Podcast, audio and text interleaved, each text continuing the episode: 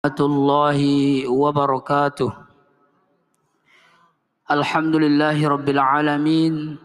الحمد لله الذي أنزل القرآن هدى للناس وبينات من الهدى والفرقان.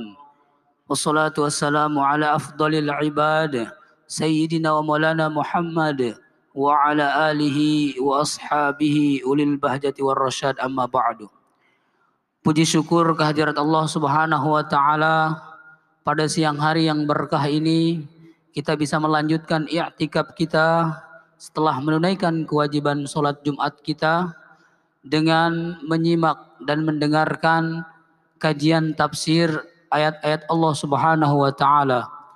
Kemudian salawat teriring salam semoga selalu tercurahkan kepada kudwah kita, suri tauladan kita baginda Rasulullah sallallahu alaihi wasallam Semoga dengan memperbanyak salawat kepada beliau, kita menjadi umat terbaik beliau yang akan mendapatkan syafaat kelak di yaumil qiyamah. Amin ya rabbal alamin. Hadirin jemaah yang dirahmati Allah Subhanahu wa taala. Insyaallah seperti biasa untuk kajian tafsir ba'da Jumat akan disampaikan langsung oleh guru kita Al Mukarram Bapak Tuan Guru Bajang Dr. Kiai Haji Muhammad Zainul Majdi MA yang insya Allah pada kesempatan ini akan mengupas kepada kita semua tentang tafsir ayat saum atau ayat puasa yaitu surah Al-Baqarah ayat 183. Oleh karena itu pada jemaah yang berkesempatan membawa mushaf kami persilahkan untuk membuka mushafnya surah Al-Baqarah ayat 183 untuk kita baca bersama-sama. Kita awali dengan ta'awuz dan basmalah. A'udzu billahi minasy syaithanir rajim.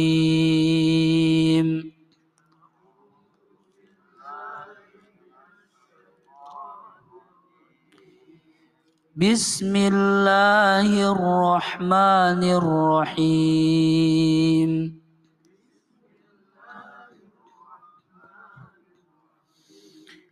يا أيها الذين آمنوا كتب عليكم الصيام.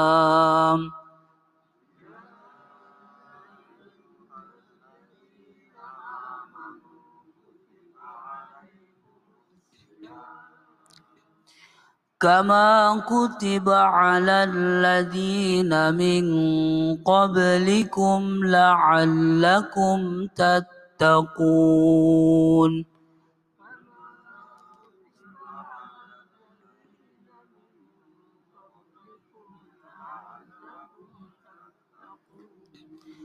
أياما معدودات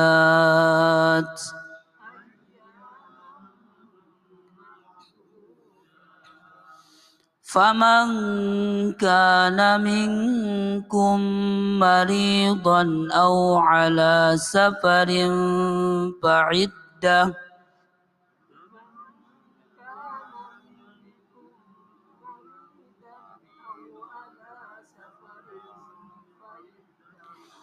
أو على سفر فعدة من أيام أخر.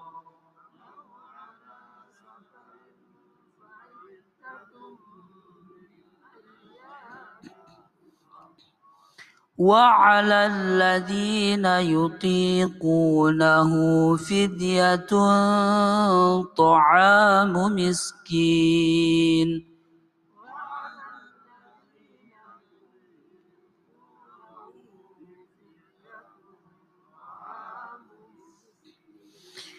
فمن تطوع خيرا فهو خير له.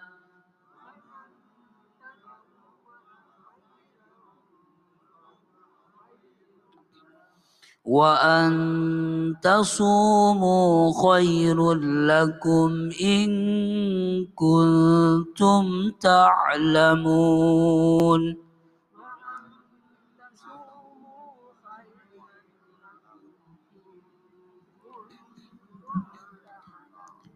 صدق الله العظيم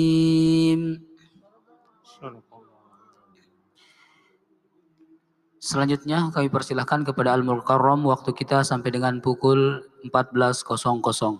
Bismillahirrahmanirrahim. Assalamualaikum warahmatullahi wabarakatuh. Alhamdulillah wassalatu wassalamu ala habibina Rasulillah wa ala alihi wa sahbihi wa man wala amma ba'd.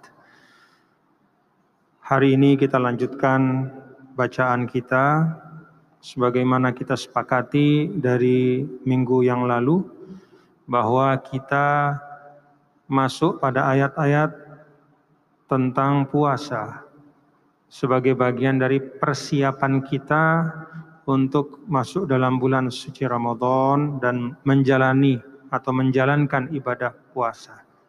Mudah-mudahan dengan kefahaman ibadah kita menjadi berkah di sisi Allah Subhanahu wa taala.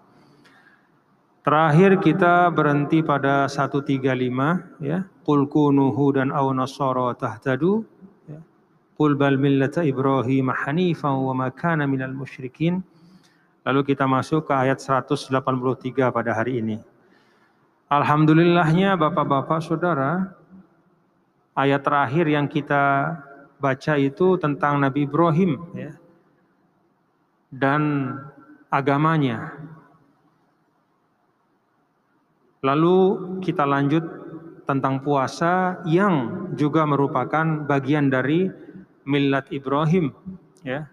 Bagian dari uh, ajaran yang juga ada pada uh, ajaran Nabi Ibrahim alaihissalam dan kita sudah bahas pada minggu yang lalu sedikit ya, kita lanjutkan hari ini. A'udzu bismillahirrahmanirrahim. Bismillahirrahmanirrahim. بسم الله الرحمن الرحيم يا أيها الذين آمنوا Wahai orang-orang yang beriman Kutiba alaikumus siyam Diwajibkan atas kalian semua Asyam yaitu berpuasa Kama kutiba alal ladhina min qablikum sebagaimana telah diwajibkan atas orang-orang sebelum kalian.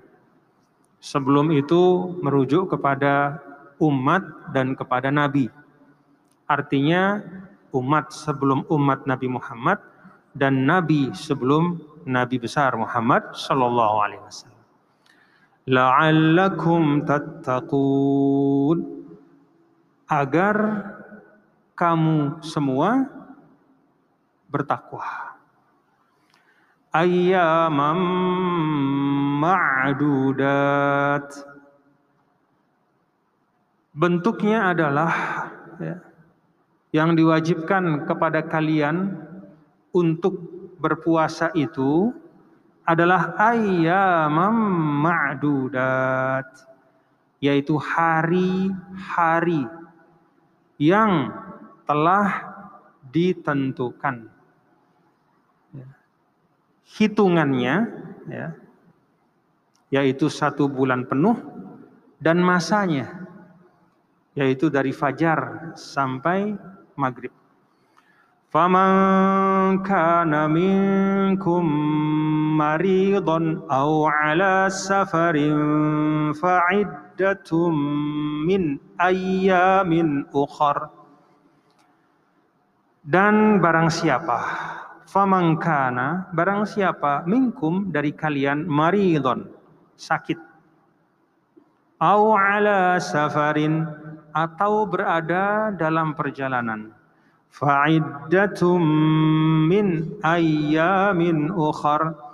Maka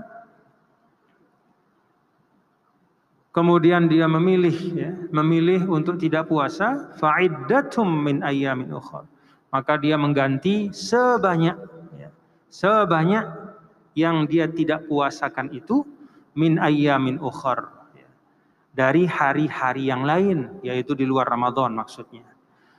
Wa 'alal ladzina yutiqunahu fidyatun ta'amu miskin. Dan atas mereka ya atas mereka yang berat menjalankannya fidyatun ta'amu miskin. Gantinya adalah mengeluarkan ya, fidyah fidyah itu sebenarnya artinya pengganti. Ya, ta'amu miskin yaitu kadar yang biasa dimakan oleh seorang manusia.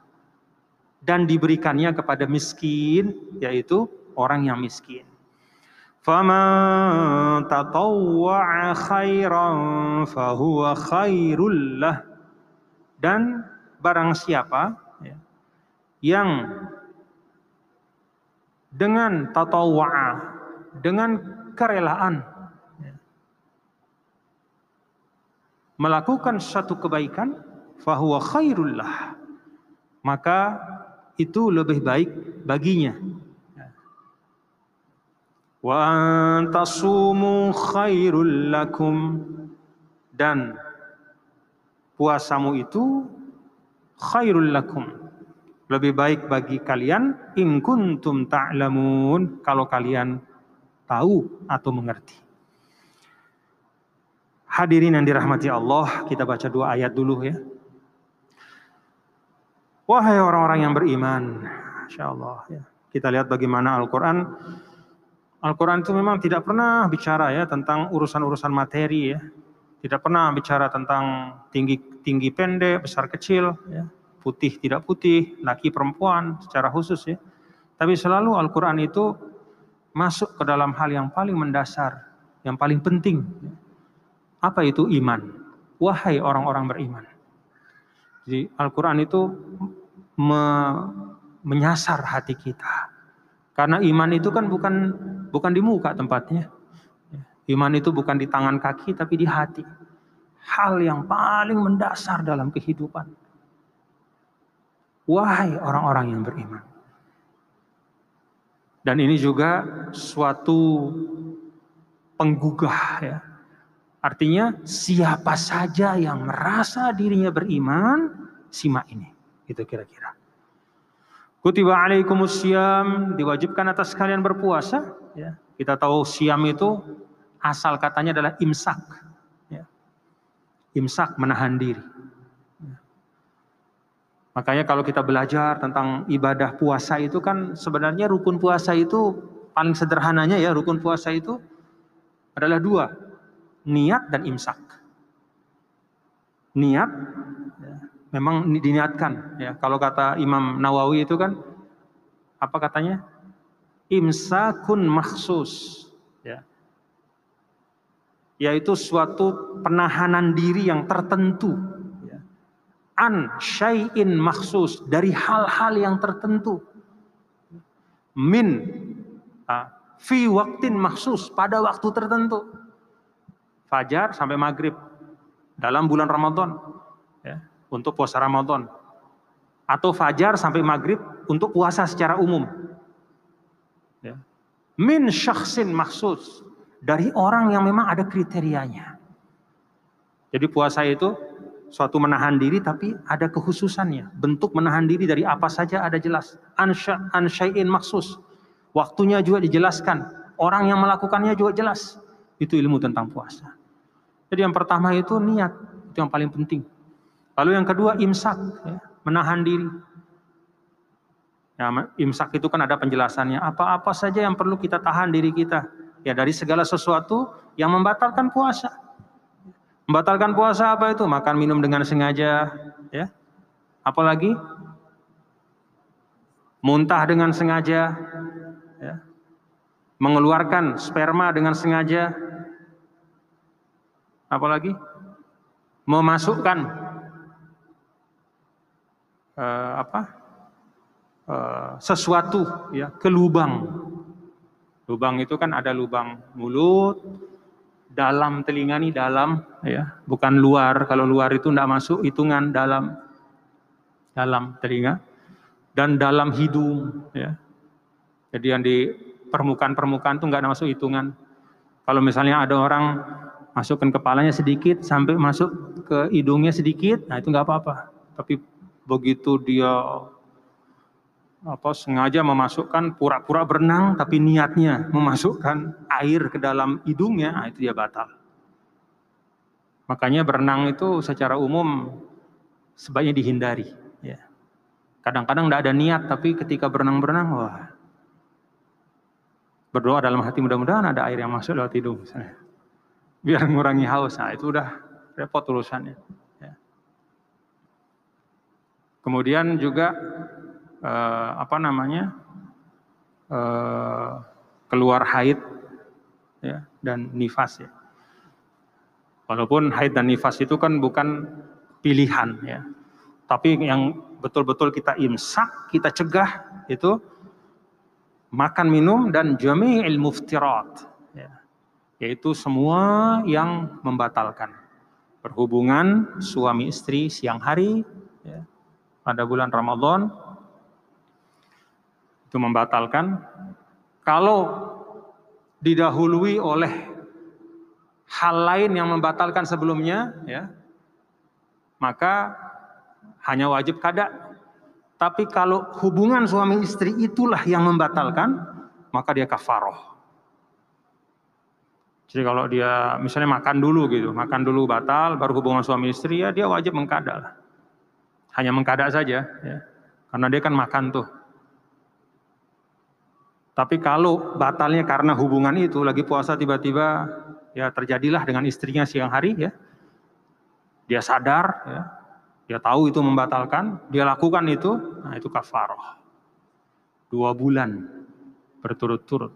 Kalau tidak kuat, baru kasih makan 60 orang miskin.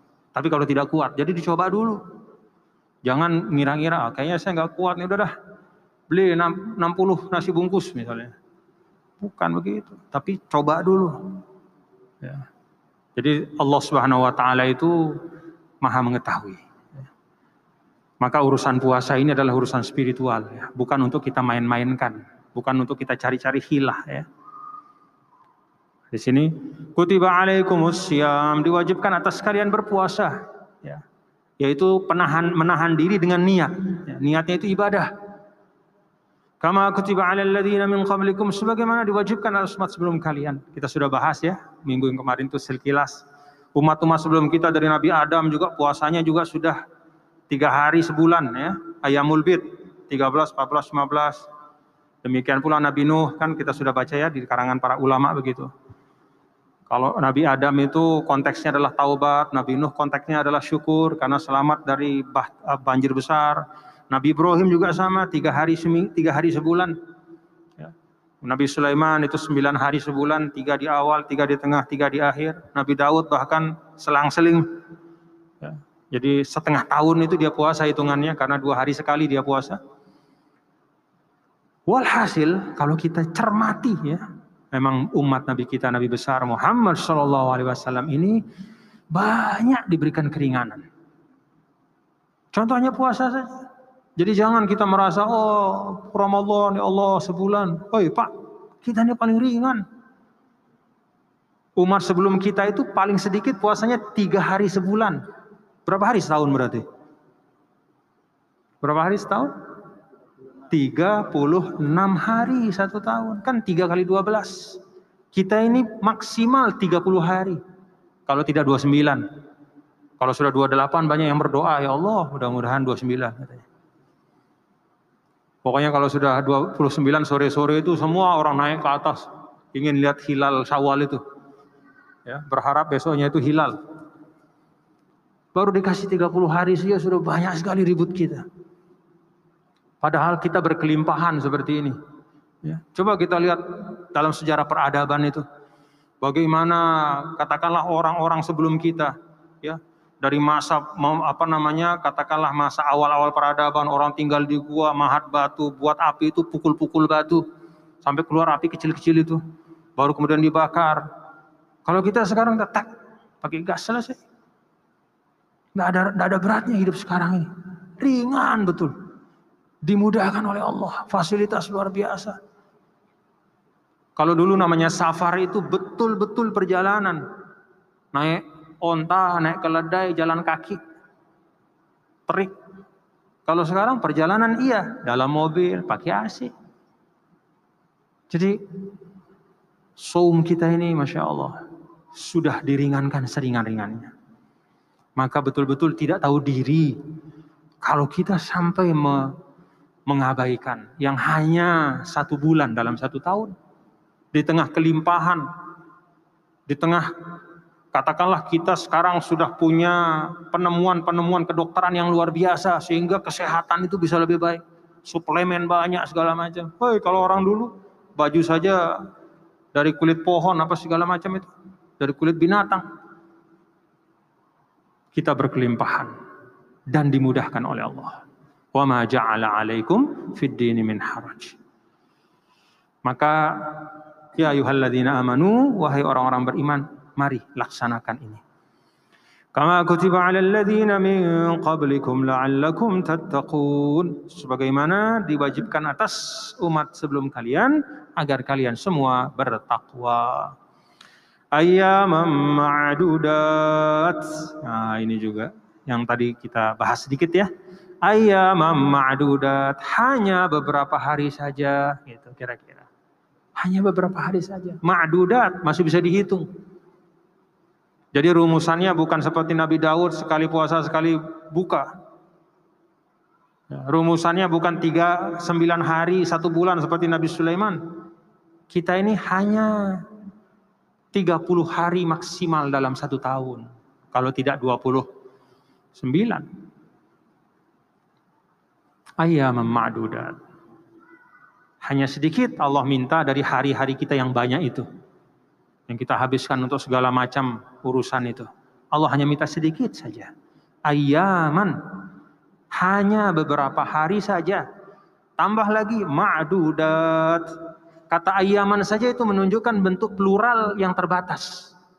Ya, ayaman beberapa hari, hari-hari tapi masih bisa dihitung. Tambah lagi disifatkan ma'dudat bisa dihitung, dibatasi, yaitu pada bulan Ramadan saja. Nah, karena itu kemudian, Masya Allah, ini coba perhatikan lagi ya. فَمَنْ كَانَ مِنْكُمْ مَرِيضًا أَوْ عَلَى سَفَرٍ فَعِدَّةٌ مِنْ أَيَّامٍ أُخَرٍ maka barang siapa di antara kalian itu sakit, coba. Jadi dari awal ini adalah tonnya, ya, ayat-ayat tentang puasa ini bukan ayat tentang pembebanan tapi peringanan. Coba baca dari awal. Kutiba alaikumus syiamu kama kutiba alal ladzi. Ayat pertama, Bapak-bapak puasa ya, tapi bukan Anda sendiri. Sebelum Anda juga sudah puasa semua orang-orang dulu itu. Yang hidupnya jauh lebih susah dari Anda itu mereka puasa dan puasa mereka banyak di antaranya lebih banyak bilangannya diringankan dari awal.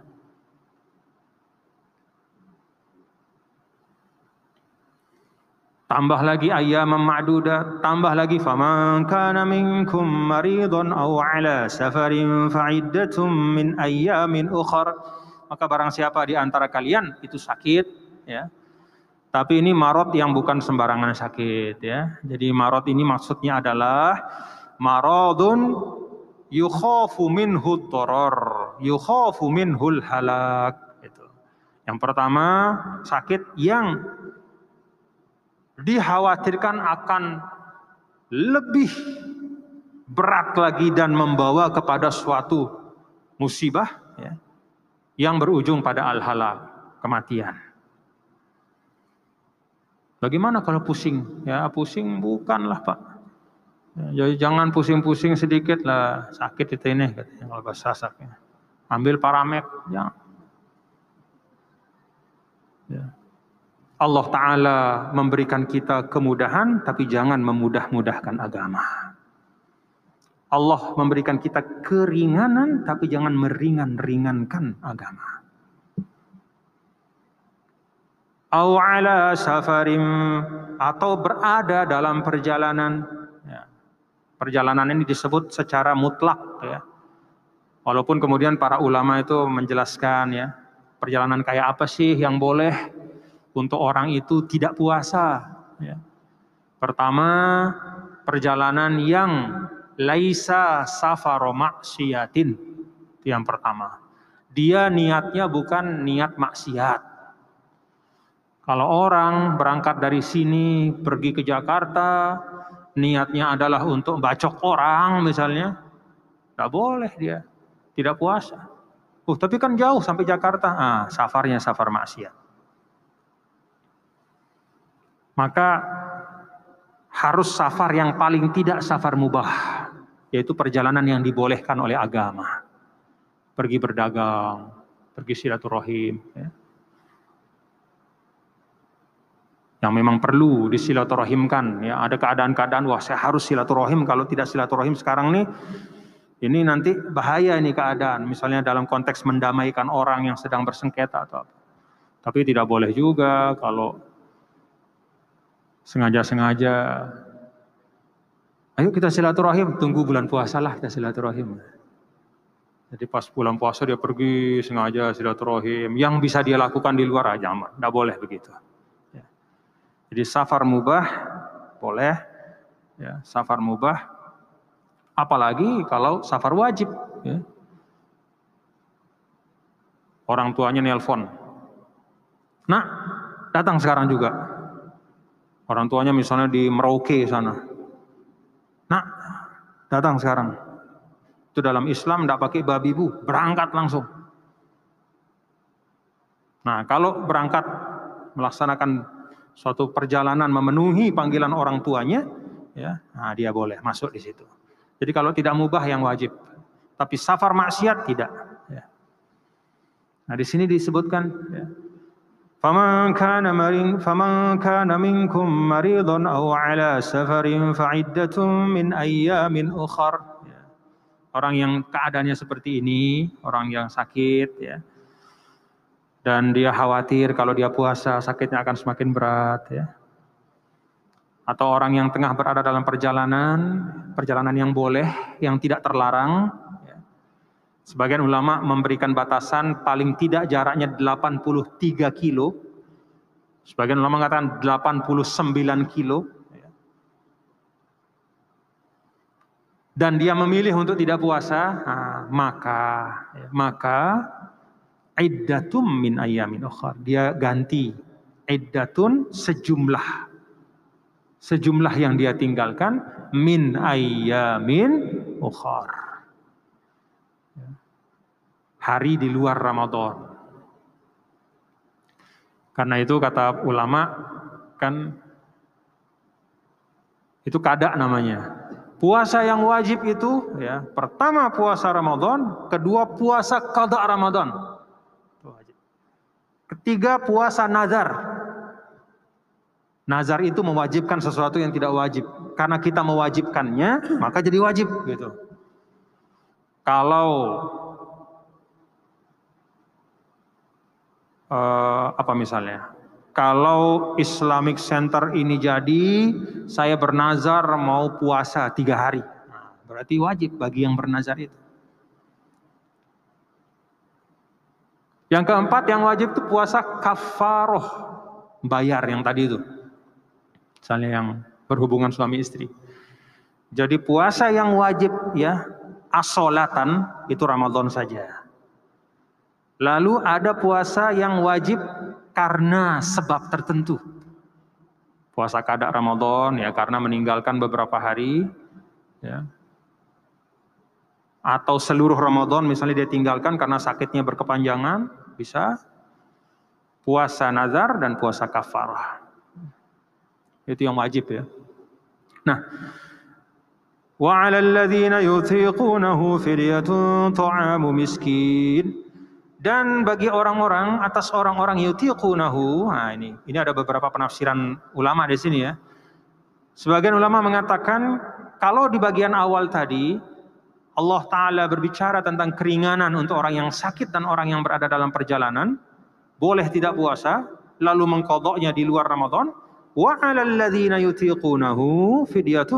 miskin.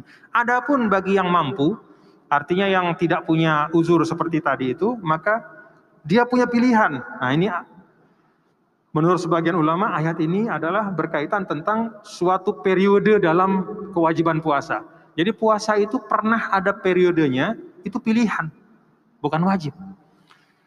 Yang sakit, yang musafir, boleh tidak puasa,